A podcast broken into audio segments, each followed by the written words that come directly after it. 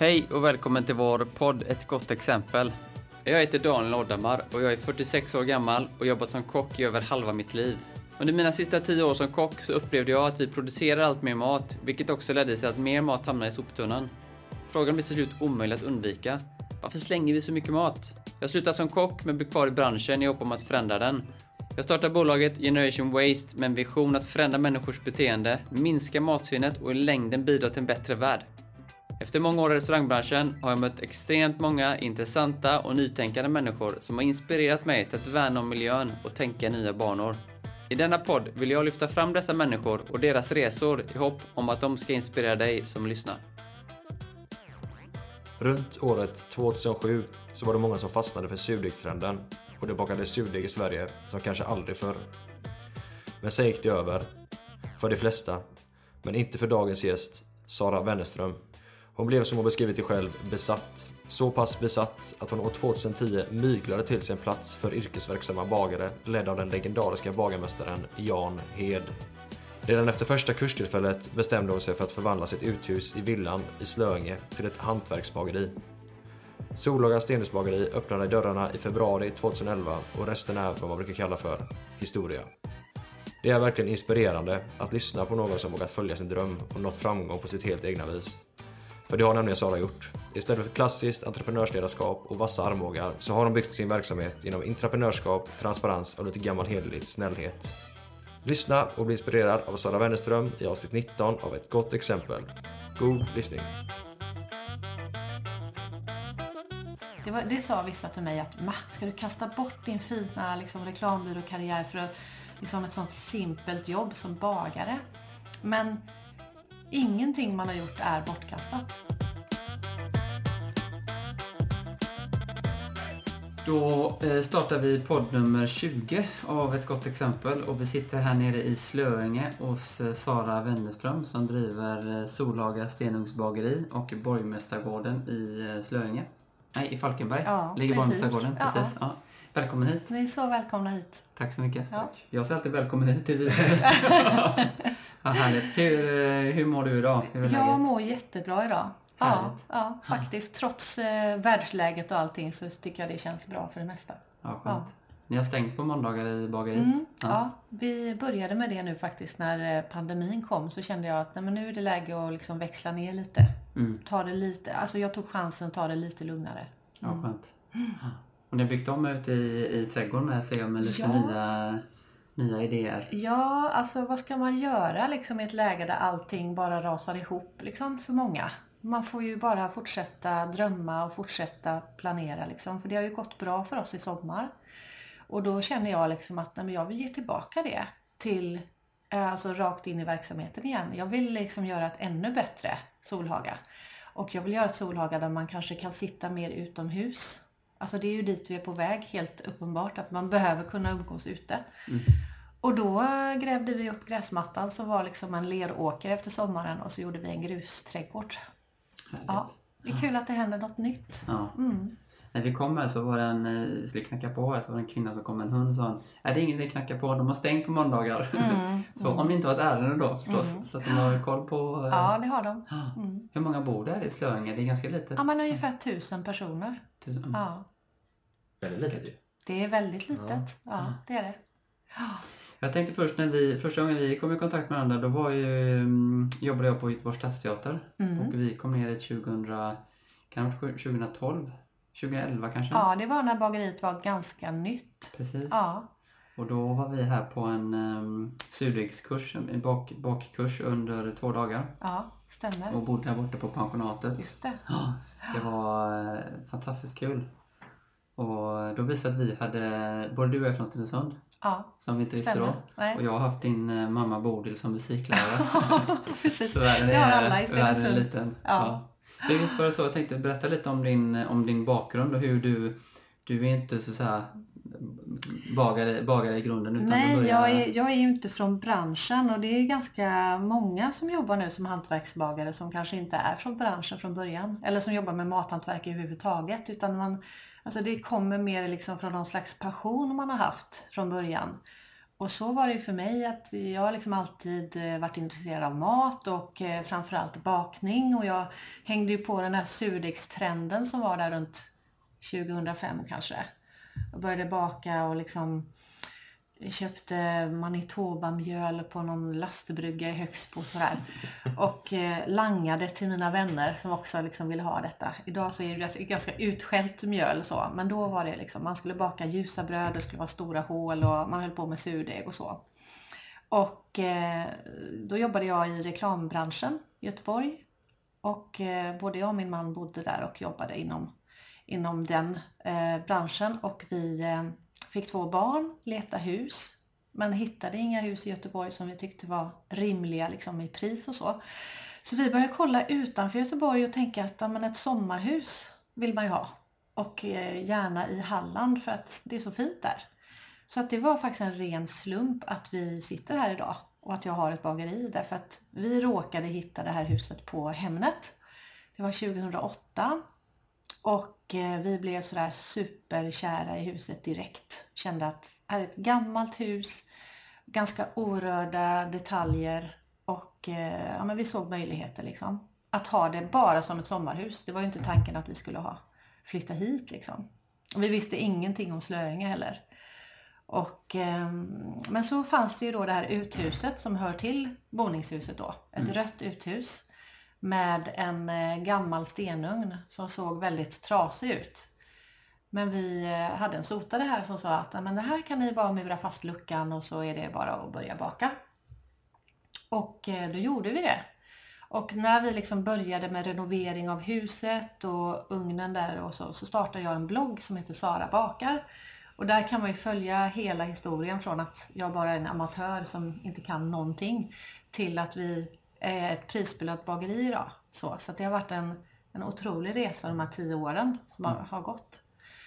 Men la ni, la ni all energi på det eller var det liksom som en lite mer hobby? Nej, men alltså det är en intressant fråga. Jag tycker att eh, för mig är det allt eller inget. Mm. Det, jag tror att eh, för att verkligen lyckas så tror jag man behöver satsa fullt ut.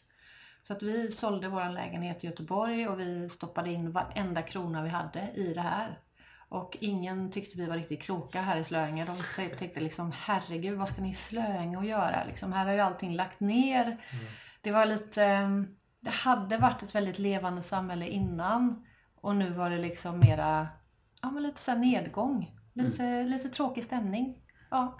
Men vi tyckte ju bara att det här är ju jättefint, vi fattar ingenting. Det är klart, alltså man har ju läst om folk som flyttar till landet, man startar någonting, sen vallfärdas det liksom. Mm.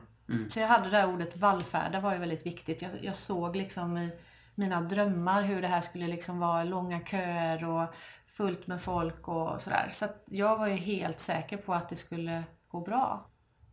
Jag läste också när du, när du jobbade med eh, i reklambranschen så gjorde du ett reportage på Riddarbageriet. Ja, det stämmer. Och träffade mm. Johan Sörberg som är eh, lite av en legend i bageribranschen. Precis. Eh, hur var det liksom att, och då var du där och praktiserade en natt? Och... Ja, Precis, jag fick vara med en natt där. Och då hade jag ju läst hans böcker och provat hans recept. Och, och jag, liksom, han var ju lite idol för mig då. Mm. Och eh, det var ju otroligt. Liksom, jag blev ju helt fast. Jag bara kände att det här, det här måste jag få hålla på med. Mm. Så är det bara. Så det var en jättestor inspiration. Eh, och sen så fick jag reda på att Jan Hed, som ju också skrivit många böcker och mm. så, jag hade hans bakböcker och så, skulle hålla en hantverksbagarkurs som var så här tre år och man träffades då två gånger om året och så hade man hemläxa mellan. Och då tänkte jag, men jag försöker komma in där fast det var egentligen bara för bagare. Och jag var ju inte bagare liksom, men jag lyckades liksom mygla mig till en plats där och eh, blev uppringd innan kursen och eh, eh tillfrågad då, men herregud, du är inte bagare, du är bara bloggare. Och har du liksom anmält dig till den här mm. kursen och det här är inget du kan göra bara för, liksom, för skojs skull. Och jag har ju, hade ju aldrig jobbat i ett restaurangkök eller ett bageri eller ens i liksom en butik. Så jag var liksom helt grön så att jag gick hem och liksom var helt förtvivlad och började googla på bagarkläder. Liksom, vad har man på sig i ett bageri? Ja, det verkar som att man ska ha en mössa och, eller också kan man ha ett huckle. Liksom. En mössa känns lite mer professionellt tänkte jag. Jag vill inte se ut som en sån här näverlurstant. Och så, eh, så jag köpte mössa och förkläde och lite grejer och så bara hoppades på att jag skulle liksom kunna klä ut mig så att jag smälte in då. Så jag åkte till kursen i alla fall och det gick bra. Och där på den kursen i mars eh, 2010 då bestämde jag mig att i bilen hem, jag kommer ihåg att jag satt där och tänkte jag ska starta bageri nu. Och liksom, för jag fick ju då träffa andra som hade liknande ställen runt om i Sverige och så tänkte jag att ja, om de kan detta så kan jag. Absolut. Mm. Ja, härligt. När vi kom ner här så tänkte jag, um, dels så fick jag ju tipset utav Erik Eriksson då på Stadsteatern som också håller på mycket med, med bröd och bakar. Eh, och det som slog mig när vi var här nere var att du var så, dels var du duktig på, så var också Gustav um, Gustav Fagerman. Fagerman, precis. Ja. Han var också med och höll i kursen som då jag vet bodde ovanför och eh, hjälpte dig Ja, precis. första åren där. Men det som var att du dokumenterade så mycket när vi kom. Ja. Och jag gick in och tittade mycket på du förde liksom in just den bloggandet och, och skapade liksom en, en impact. Alltså det, det blev en, en storytelling på något sätt Mm. som jag tyckte var så intressant. Och det var inte jag van vid att se från restaurangbranschen på samma sätt. Nej, men jag tror det, det är ofta fördelen där med att man kommer från en annan bransch. Vissa säger så här, men gud du kan ju ingenting. Eller vissa kan vara rädda för att ge sig in i en ny bransch. Att, att eh, oj, men jag kan inte detta. Men man kan någonting annat som kan tillföra någonting och göra att man är inte hemmablind på samma sätt och man gör saker på sitt eget och på nya sätt. Så jag tror det är en ganska viktig sak att man Ingenting av det man har gjort innan är ju liksom bortkastat. Det, var, det sa vissa till mig att Ma, ska du kasta bort din fina liksom, reklambyråkarriär för att, liksom, ett sånt simpelt jobb som bagare? Men ingenting man har gjort är bortkastat. För att all, all den erfarenheten jag hade av allting jag hade gjort har jag använt i det nya och kombinerat. Och det är också det som har gjort att, att jag har liksom blivit att det har blivit ett framgångsrikt bageri. Mm. Och just det här med att blogga och synas och få ta kontakt med dina kunder och de som varit här på kurser. Det blir ju eh, ringa på vattnet och det sprids ju. För jag tror inte jag har sett någon att du har gjort reklam någonstans eh, på något sätt. Men alla som jag pratar med känner till bageriet. Och jag vet ända sedan vi var här så, ja men folk som åker ner mot Skåne, ja men åk in och köp bröd på Slöinge bageri. Det är ju fantastiskt. Eller Solhaga. Ehm, ja. Ja, det är ju konstigt egentligen att jag som är från reklambranschen aldrig har gjort reklam. Så att jag har liksom kastat bort ganska många av de begreppen som användes där. Så att jag pratar till exempel inte så mycket om eh, kunder. Jag tycker bättre om att använda ordet publik. För det är mycket intressantare för mig tycker jag. Därför att en kund, då är det att du har en ekonomisk transaktion. Där vara och pengar ska byta ägare. Men men publik, då pratar man ju om alla man möter och alla man ska beröra. Och det handlar om att man ska få en relation, att man ska ge någonting till en annan människa. Som eh, får en känsla och då som en följd av den känslan så blir det eh, en, en kundrelation då. Eh, och ett, att man köper. Men det är bara en väldigt liten del av det hela. Och det jag tror att det beror på att jag kommer just från det här som du säger. Min mamma var musiklärare sjungit jättemycket i kör och varit med i olika band och varit med i orkestrar och sådär. Att man är med liksom och skapar scenisk presentation. Och då tänker jag liksom mycket i scenografi och i dramaturgi och sådär. Vad händer när folk kommer? Vad ska de få för känsla? Vad händer sen? Hela mitt mål med detta bageriet var ju inte att jag skulle baka och sälja bröd i Slöinge. Det var ju att jag skulle ge någonting till människor som gör att de mår lite bättre. Och jag tror att ser man sin verksamhet som någonting större och liksom ser lite förbi de här etiketterna så, så blir det också något mer. Då betyder det liksom någonting annat. Och det är det som är det viktiga för mig. Tycker det är väldigt intressant. Alltså, Just att det, att man värnar så mycket om eh, de som kommer hit och försöker ge dem, försöker ge- verkligen ge dem någonting som man kan ta med sig. Och det blir ju på ett sätt den bästa marknadsföringen man kan ge egentligen. Eh, gentemot att man skulle bedriva en verksamhet och göra någonting halvhjärtat och sen liksom lägga pengar på att marknadsföra det. Mm. Eh, det ser vi samma som vi kommer tillbaka till ofta, Åsta gård. Det är också lite mytologiserat bland uh, kockar och sånt. Så att det är lite svårtillgängligt och det finns liksom inte, går inte att söka upp hur som helst på, på internet utan det är så här. man får höra det från, från andra som har fått ett bra, det har ett bra rykte och liksom, på den vägen. Och jag tror inte man kan bli riktigt framgångsrik om man inte liksom är genuint Exakt. snäll. Jag tror faktiskt inte det. Nej. Och därför är jag också jättenoga med att, att bara anställa människor som är genuint snälla. Och det märker man ganska fort. Om det finns liksom en, en värme och ett slags en, en omtänksamhet i den personen. Och det räcker inte liksom hur duktig man än är. För är det för vassa armbågar och att man kanske inte är generös, då blir det inte det mot kunderna heller. Nej. Så um, det är en, en av mina viktigaste grundregler.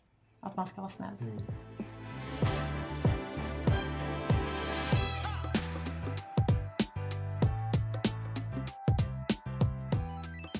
När du såg den här visionen och att det kommer massa folk till dig och det är liksom vallfärdade folk hit. Mm. Hur, hur gör du liksom i praktiken för att få det att... Ja, jag tror att det är jätteviktigt att man, eh, att man visualiserar framför sig hur man vill att det ska bli. Om man går för mycket och oroar sig för att saker ska liksom gå fel så kan de lättare gå fel. Men om man eh, eh tänker eh, i de banorna och förmedlar utåt att det här kommer gå bra. Alltså det var så tydligt när vi startade bageriet att, att folk i Slöinge, många sa så här, men hur ska det gå? Stackars dig. Allting har ju lagt ner och, och hur ska det gå? Här har du liksom sålt din lägenhet och ah, liksom använt alla dina pengar. Och så. Men jag sa ju bara att, nej men gud, jag, alltså, jag tänkte inte på vad, vad som skulle hända om det gick dåligt. Jag tänkte bara, herregud vad ska jag göra om det går bra? Eller när det kommer gå bra, för det kommer det göra. Jag måste ju ha kapacitet att ta emot alla de här vallfärdande människorna liksom. Hur ska jag... Jag måste bygga en större frys och alltså jag tänkte ju bara i de banorna. Och jag har märkt det att när man tänker så och förmedlar det till sin omgivning och visar att man satsar och lägger ner allt, då följer de med.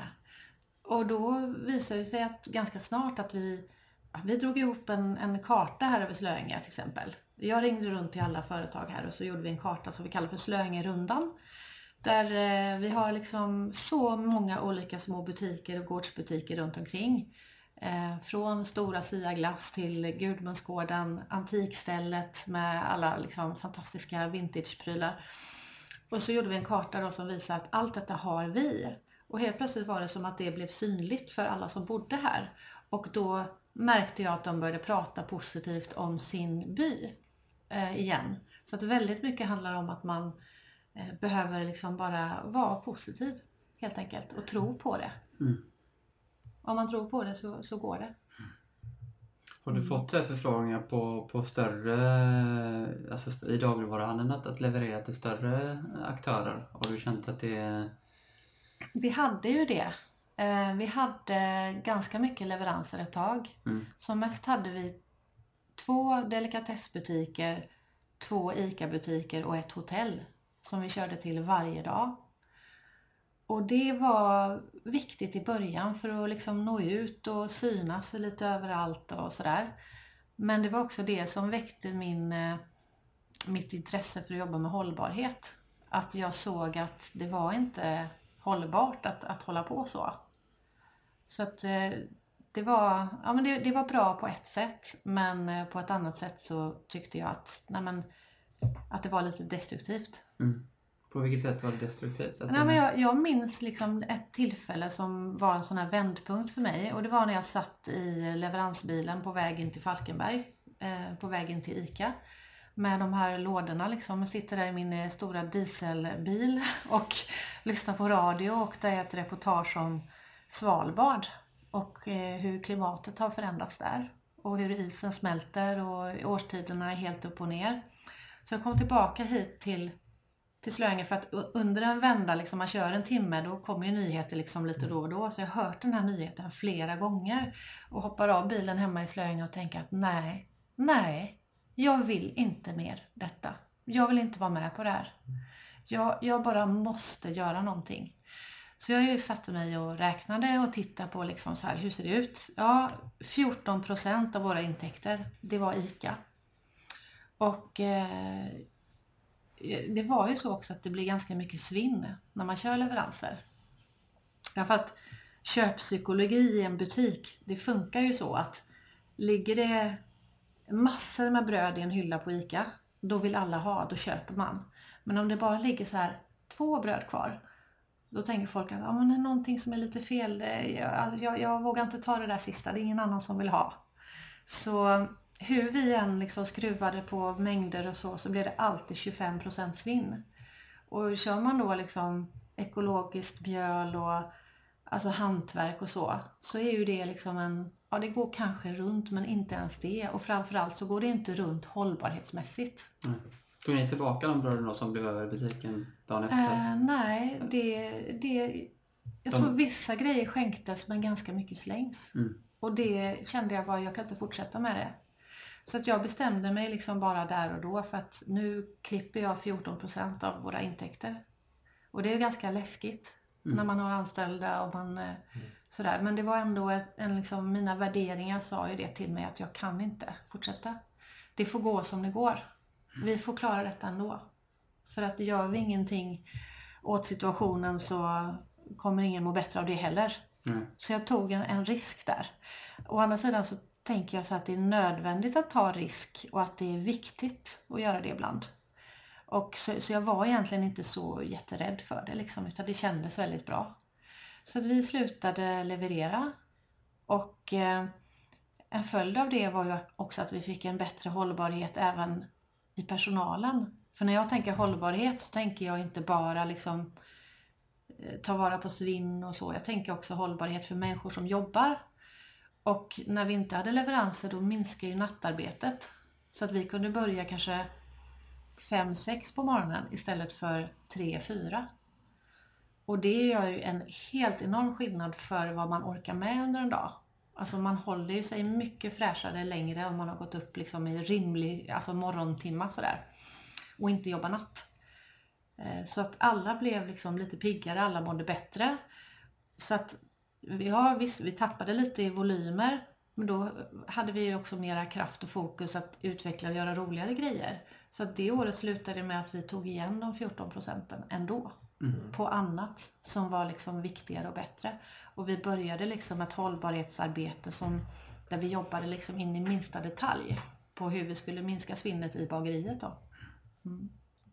Jag bara fick in en sak där. Som du sa innan som jag tyckte var väldigt intressant. Det här med att jag vet inte vad du sa det nu men det var just när det är en limpa bröd kvar i, i, på ICA mm. så vill ingen ha den. Men du berättade att när det är en limpa kvar i, I disk, hyllan. i disken hos dig, ja. eller i hyllan hos dig, just det. så vill alla ha den. Exakt, för att den där lilla limpan som ligger ensam på ICA, det är ingen som kan liksom prata för den. Men ligger det en ensam limpa i hyllan i våran butik i Slöinge, då kan ju vi säga till kunderna att den här är bakad på det här och det här sättet. Och eh, den passar till den och den maten. Och då, då blir den såld. Mm. Så att jag menar, ju färre bröd vi har i våran hylla desto mer vill man ha. Mm. Så att, eh, mm. ja det är märkligt. Det blir exklusivt. Mm. Ja.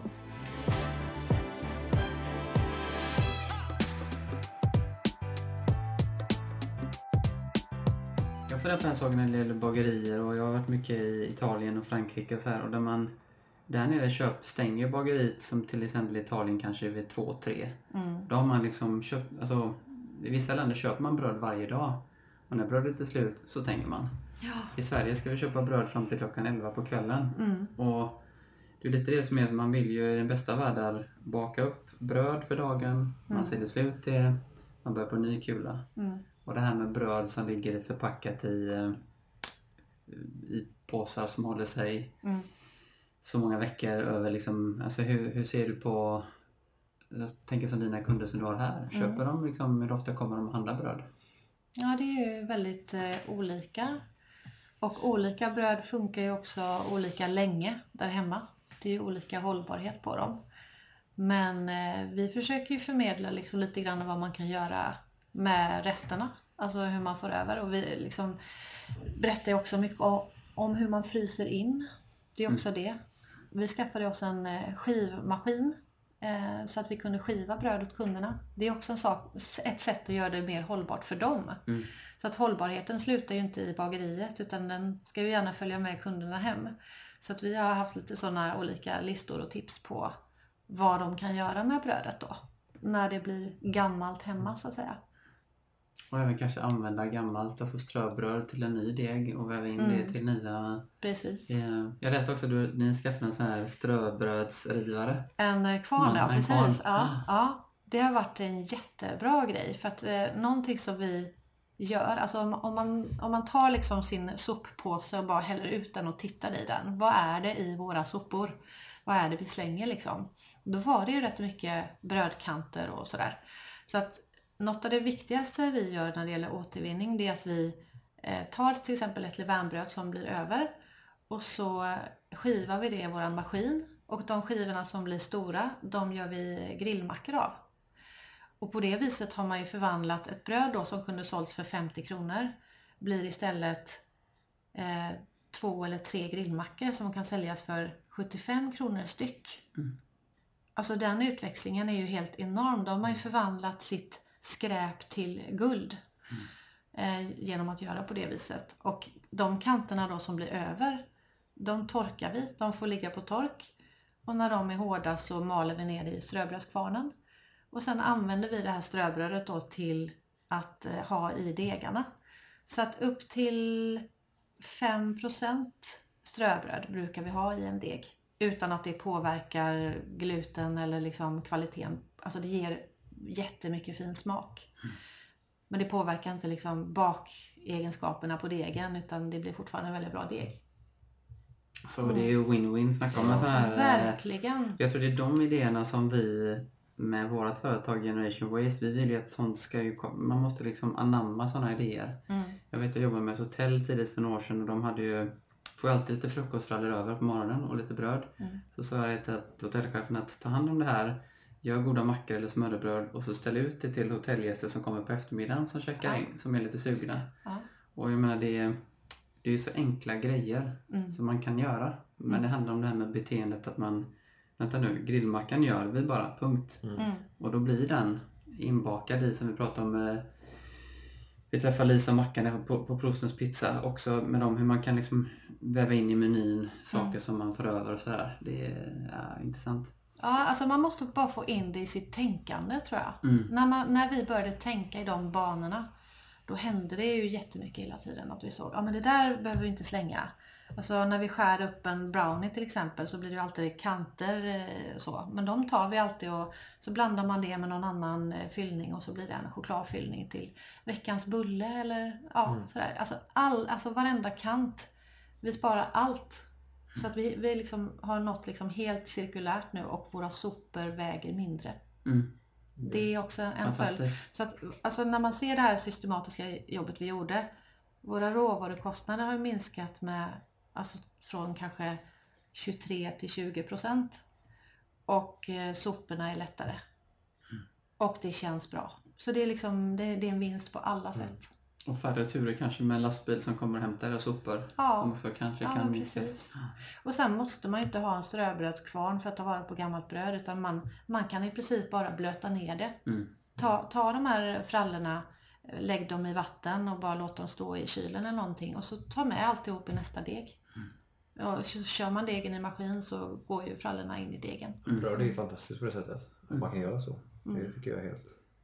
Jag tänkte, det är väl så när, när man tänkte när man jobbade kock att det låg alltid torkat bröd på ovanför ugnen. Mm. Det var liksom det som man panerade i när du gjorde snitslar, ströbröd Ja. till biffar, vad det nu kan vara. Det liksom... eh, Det fanns naturligt förr och nu ska vi liksom tillbaka dit. Mm. Och en annan viktig grej som vi jobbar mycket med det är ju att ta hand om varandras eh, svinn. Även liksom med andra företag i nätverket här i Falkenberg. Vi jobbar ju jättemycket tillsammans. Så nu precis så ringde de från Skrea matbruk och frågade om vi ville ta hand om deras äggvita. Alltså när de, när de gör pasta, använder mycket gulor, eh, får äggvita över. Och det kan ju vi ta till maräng och vi kan göra våran mandelkaka på det och så. Så vi, vi hjälps åt där. Och sen har vi ett mikrobryggeri som vi får eh, dra av ifrån. Och det är också det här, det här mältade kornet som blir över när man brygger öl. Som ofta slängs. Större bryggerier kan ju ge bort det till djurmat. Men det kräver ganska dyra tillstånd som kostar mycket pengar. Men ett litet bryggeri kan inte göra det så att då slängs det.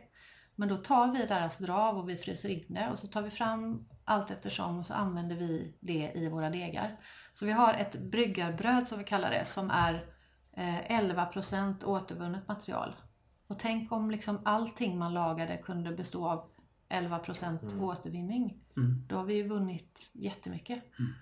Så det, det är roligt. Och sen har vi en annan, annan kul grej vi gjorde var att ta ister från Gunnargård som har Linderöds Uh, han sa det, jag får jättemycket ister över, jag vet inte vad jag ska göra med det.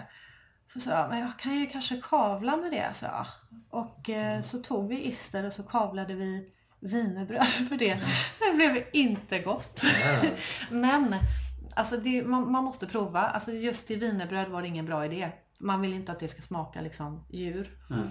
Men eh, att använda det till exempel till en eh, smördeg som man gör liksom matknyten av eller så. Mm. Mm. Då blir det en annan grej.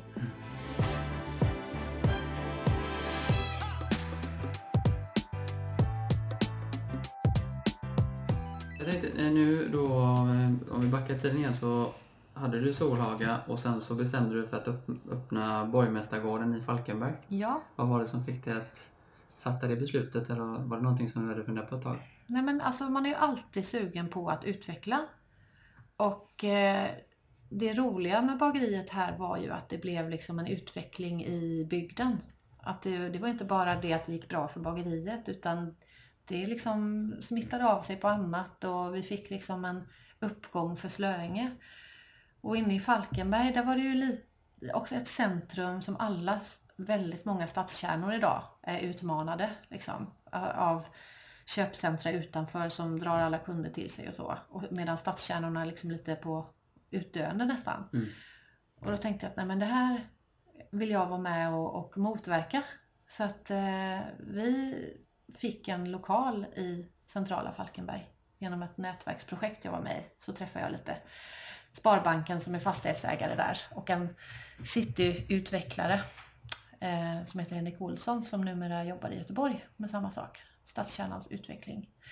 Och eh, genom det nätverket så kom vi fram till det att ja, ett café i just det här huset skulle passa väldigt bra och göra mycket för stadskärnan. Så att lika mycket som det var ett café så var det mitt sätt att eh, vara med och utveckla Falkenberg som stad att jag tycker det är intressant att som företagare så handlar det inte bara om att starta och driva och tjäna pengar och så. Utan eh, för mig är företagande ett sätt att vara med och bygga samhället. Och det fick vi vara med och göra där då. Att, och så sa vi det att vi ska göra ett café som är ja, men som vilken storstad som helst i Europa. Så bra ska det vara. Så att vi hade ju så nästan storhetsvansinne. att eh, vi, kom, vi åkte till Köpenhamn och bara rev av 50 kaféer på två dagar. Vi var runt överallt och kollade. Ah, så där vill vi göra eller så där vill vi inte göra. Och så, här, så hade vi en klar idé när vi åkte hem. Och eh, så startade vi det tillsammans med ett par tjejer som jag då har jobbat med. Tilda Lundahl som hade jobbat här som butikschef. Och Ann-Sofie Lönnberg som var konditor i Falkenberg på Stålboms och hade drömt om att starta eget. Så att vi tre blev lika delägare då och eh, driver det tillsammans. Idag så är jag inte så aktiv där men eh, utan det är de två som kör det. Mm. Mm. Jag läste också om, om eh, Tilla där och som dels att, att du och hon hade jobbat ihop innan och att mm. hon blev en del av företaget och jag läste också att hon fick ett pris som eh, Årets unga företagare precis, i Halland. Exakt, ja. det är ju fantastiskt bra. Alltså. Ja. ja, det är jätteroligt. Ja. Det mm. måste, då kan, är det bra, alltså kan du känna så att, ja, men du pratar mycket om det här man jobbar med, med ärliga människor och, och människor som ger energi. Att, mm. att du liksom på något sätt har skapat det och, någon känner att ja, men jag... Ja, att man alltså... får den... Eh, och det kan vara väl om man tar bort allting med ekonom, ekonomiska resultat, att man får en enorm tillfredsställelse i att man har att man passar det vidare på något sätt. Entreprenörs... Ja, det är, ju, det är något av det roligaste tycker jag med att vara arbetsgivare. Mm. Det är ju att man är med och eh, tar fram det bästa i människor. Mm. Och låter dem eh, ta ansvar och ge dem möjligheter att utvecklas och genomföra sina idéer. Så jag såg ju det på henne att ja, men här är, ja, hon visste inte riktigt vad hon ville plugga. Så då sa jag att ja, men då gör vi en skola här. Då lär jag dig liksom bokföringen, marknadsföringen, du får vara butikschef. Och så har vi liksom lektioner. Och det har vi ju liksom lektioner hela tiden. Alltså vi pratar jättemycket i bageriet. Alltså vad händer nu? Alltså det, det känns som att vi går igenom allt liksom från psykologi till eh, säljstrategi till eh, inköp, marknadsföring. Alla delar pratar vi väldigt aktivt om. Så alla som jobbar hos mig är väldigt eh, eh inblandade i allt som har med företagandet att göra och jag kan liksom förklara mina beslut eh, för dem så att de förstår och de kan vara med och fatta beslut. Och, eh, så jag har en väldigt stor öppenhet i hur jag driver företaget. Och då lär de sig väldigt mycket som jag då får tillbaka. Och det är också häftigt att se hur de, när man har all den här informationen och kan liksom pussla ihop den själv, att de blir självständiga och kan fatta beslut utan att jag behöver lägga mig i. Mm. Så det är ett väldigt roligt sätt att leda tycker jag. Att få dem, ja, man, man delar till slut samma värderingar när man pratar mycket om det. Och då kan man eh, hjälpas åt med väldigt mycket. Mm. Så att hon eh, var färdig företagare, Tilda, när den här lokalen dök upp. Så då frågade jag henne, är det inte dags nu Tilda, att bli sin egen? Mm. Ja, och då var det Grymt. Ja. Så, det, så Solaga har blivit lite en, en skola kan man säga. Jag ser det lite grann så. Alltså jag vill skicka med alla som går igenom här någonting eh, till sitt nästa jobb. Mm. Eh, jag tänkte också prata om, eh, jag läste om att det var det här med livs, det var en, en liksom, om du vill prata om det? Ja, vi kan prata om det, absolut. Ja, jag tänkte att det var så här en, eh, för jag vet att det var väl en liten konflikt och gällande kollektivavtal. Och jag vet att det, detta hände på en, en salladsbar i Göteborg mm. eh, några år tidigare. Mm, och en ganska liten aktör. Ja. Och hur en sån stor, de här stora bjässarna som bara ger, ger sig på en lite mindre eh, mm. företagare. Hur, hur upplevde du det? Och hur, eh... Ja men det, alltså den perioden var nog eh, absolut det tuffaste att ta sig igenom som mm. företagare. För den kom så oväntat för mig. Och eh, jag vill bara säga det först och främst att jag har verkligen ingenting emot fackföreningar. Mm.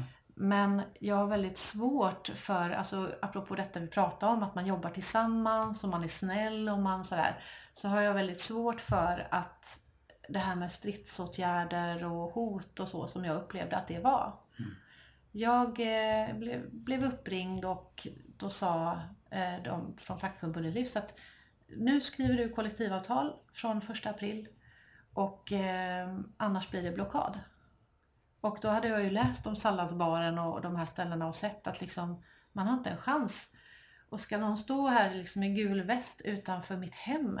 Ska mina barn se detta liksom? Att någon delar ut lappar om att jag är en dålig arbetsgivare och sådär. Jag hade väldigt svårt att, att liksom just ta, ta det här med tvång. Alltså för mig är inte det en, en bra väg att gå. Och sen var det ju så här också att vi hade precis tömt alla våra reserver för att bygga Borgmästargården. Jag hade satsat precis allt som var i kassan. Och vi hade en jättetajt budget för kommande år och det skulle nästan gå. Alltså det var på håret liksom. Så att jag var i en väldigt liksom tajt ekonomisk situation. Och när någon då kommer och säger att du ska ställa om din lönemodell och alla löner ska göras om från och med första april. Fast vi vet inte riktigt vad det blir ännu för det var inte, avtalet var inte ens färdigt. Så jag skulle skriva på någonting som jag inte ens visste vad det skulle innebära i pengar. Och då eh, fattade jag beslut om att nej men jag vill inte vara så här stor. Jag vill inte, jag vill inte ha så många anställda. Jag får får liksom minska personalstyrkan och gå in och jobba mer själv. För att känna att liksom det blir tryggare för mm. mig. Alltså i detta läget som var då var det tryggare att bli mindre. Så det är också en sån här intressant grej man kan tänka på med tillväxt. Att det, är inte, det är rätt riskabelt och det är ganska tufft i att växa.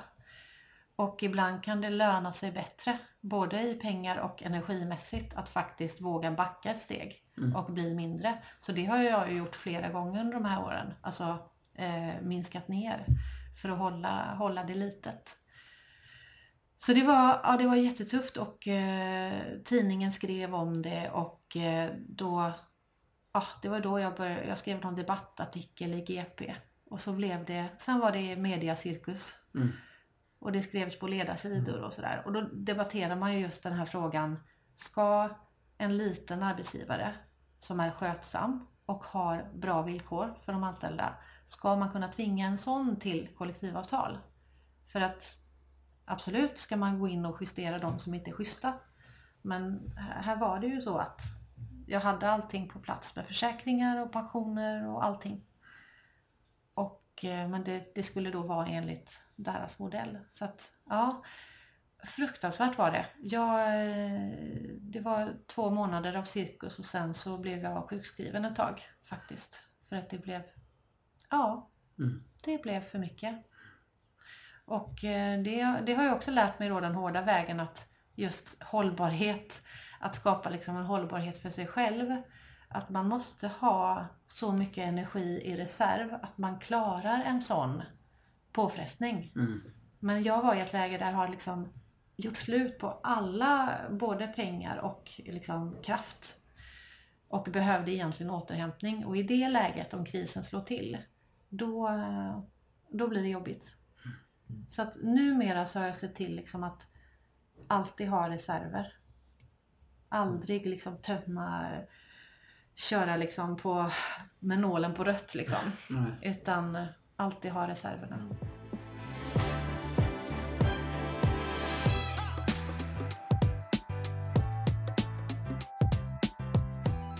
Vad, vad tror du, eller vad är, det som, vad är det som driver dig framåt idag? Vad är det som... Att jag vill eh, skapa någonting för andra människor. Det är det som det handlar om. Att skapa någonting som är eh, liksom viktigt.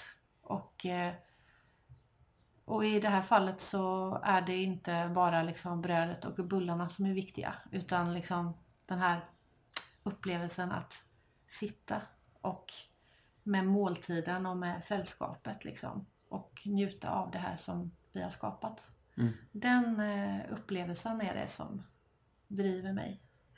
Så. Mm. När kommer, eh, du berättade innan att ni går, eller vi ser ju själva att det har byggt ut här eh, på utegården. här. När kommer det, kommer det vara nästa? Ja, till, till eh, nästa säsong Ja, okej. så eh, vi firar 10 år 2021. Och då tänkte vi att det skulle hända lite nytt.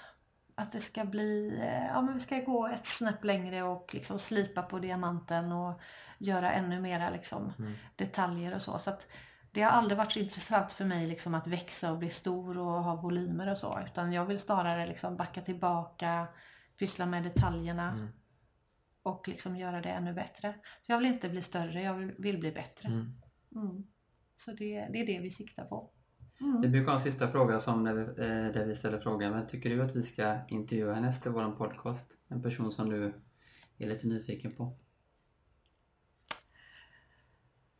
Um, en som jag är nyfiken på ur eh, hållbarhetssynpunkt eller? Ja, precis. Ja. Det kan vara en, eh, en entreprenör eller någon som Ja. gör något bra i Falkenberg. eller som Ja. Eh, alltså någon i Falkenberg tänker du på? Det spelar ingen Det roll. spelar ingen roll, det får Ja, ta hela Sverige. ja, men det kan vara i Hela världen. Eh, Ja, gud, det finns ju så många här i Falkenberg. Men eh, en som jag ju eh, beundrar, det är ju våran eh, granne Daniel eh, Eråker som rostar kaffe. Ja. Han är ju en eh, fantastisk eh, person för han är så eh, otroligt eh, kunnig i det han gör. Och han gör det liksom också sådär fullt ut. Inga kompromisser. Liksom. Så han är en väldigt bra, eh, bra kollega. Eh, också, också där det handlar om att göra en produkt som är liksom schysst från början till slut. Mm. Grymt. De har gamla pensionatet där borta va? Ja, de, de startade pensionat och så blev det kafferosteri. Ja, just det. Mm. Så han lämnade också sin karriär då som ingenjör för att rosta kaffe. Ja, häftigt. Mm. Toppen. Ehm, då får vi tacka så jättemycket för att vi fick komma och hälsa på här nere i Slöinge. Och eh, lycka till med alla dina fina planer. Tack så jättemycket. Tack. Tack. Stort tack för att ni har lyssnat på dagens avsnitt. In och följ oss på sociala medier där vi heter ett gott exempel och tryck på prenumerera-knappen i appen du lyssnar i. Vi ses nästa vecka. Ha det gött!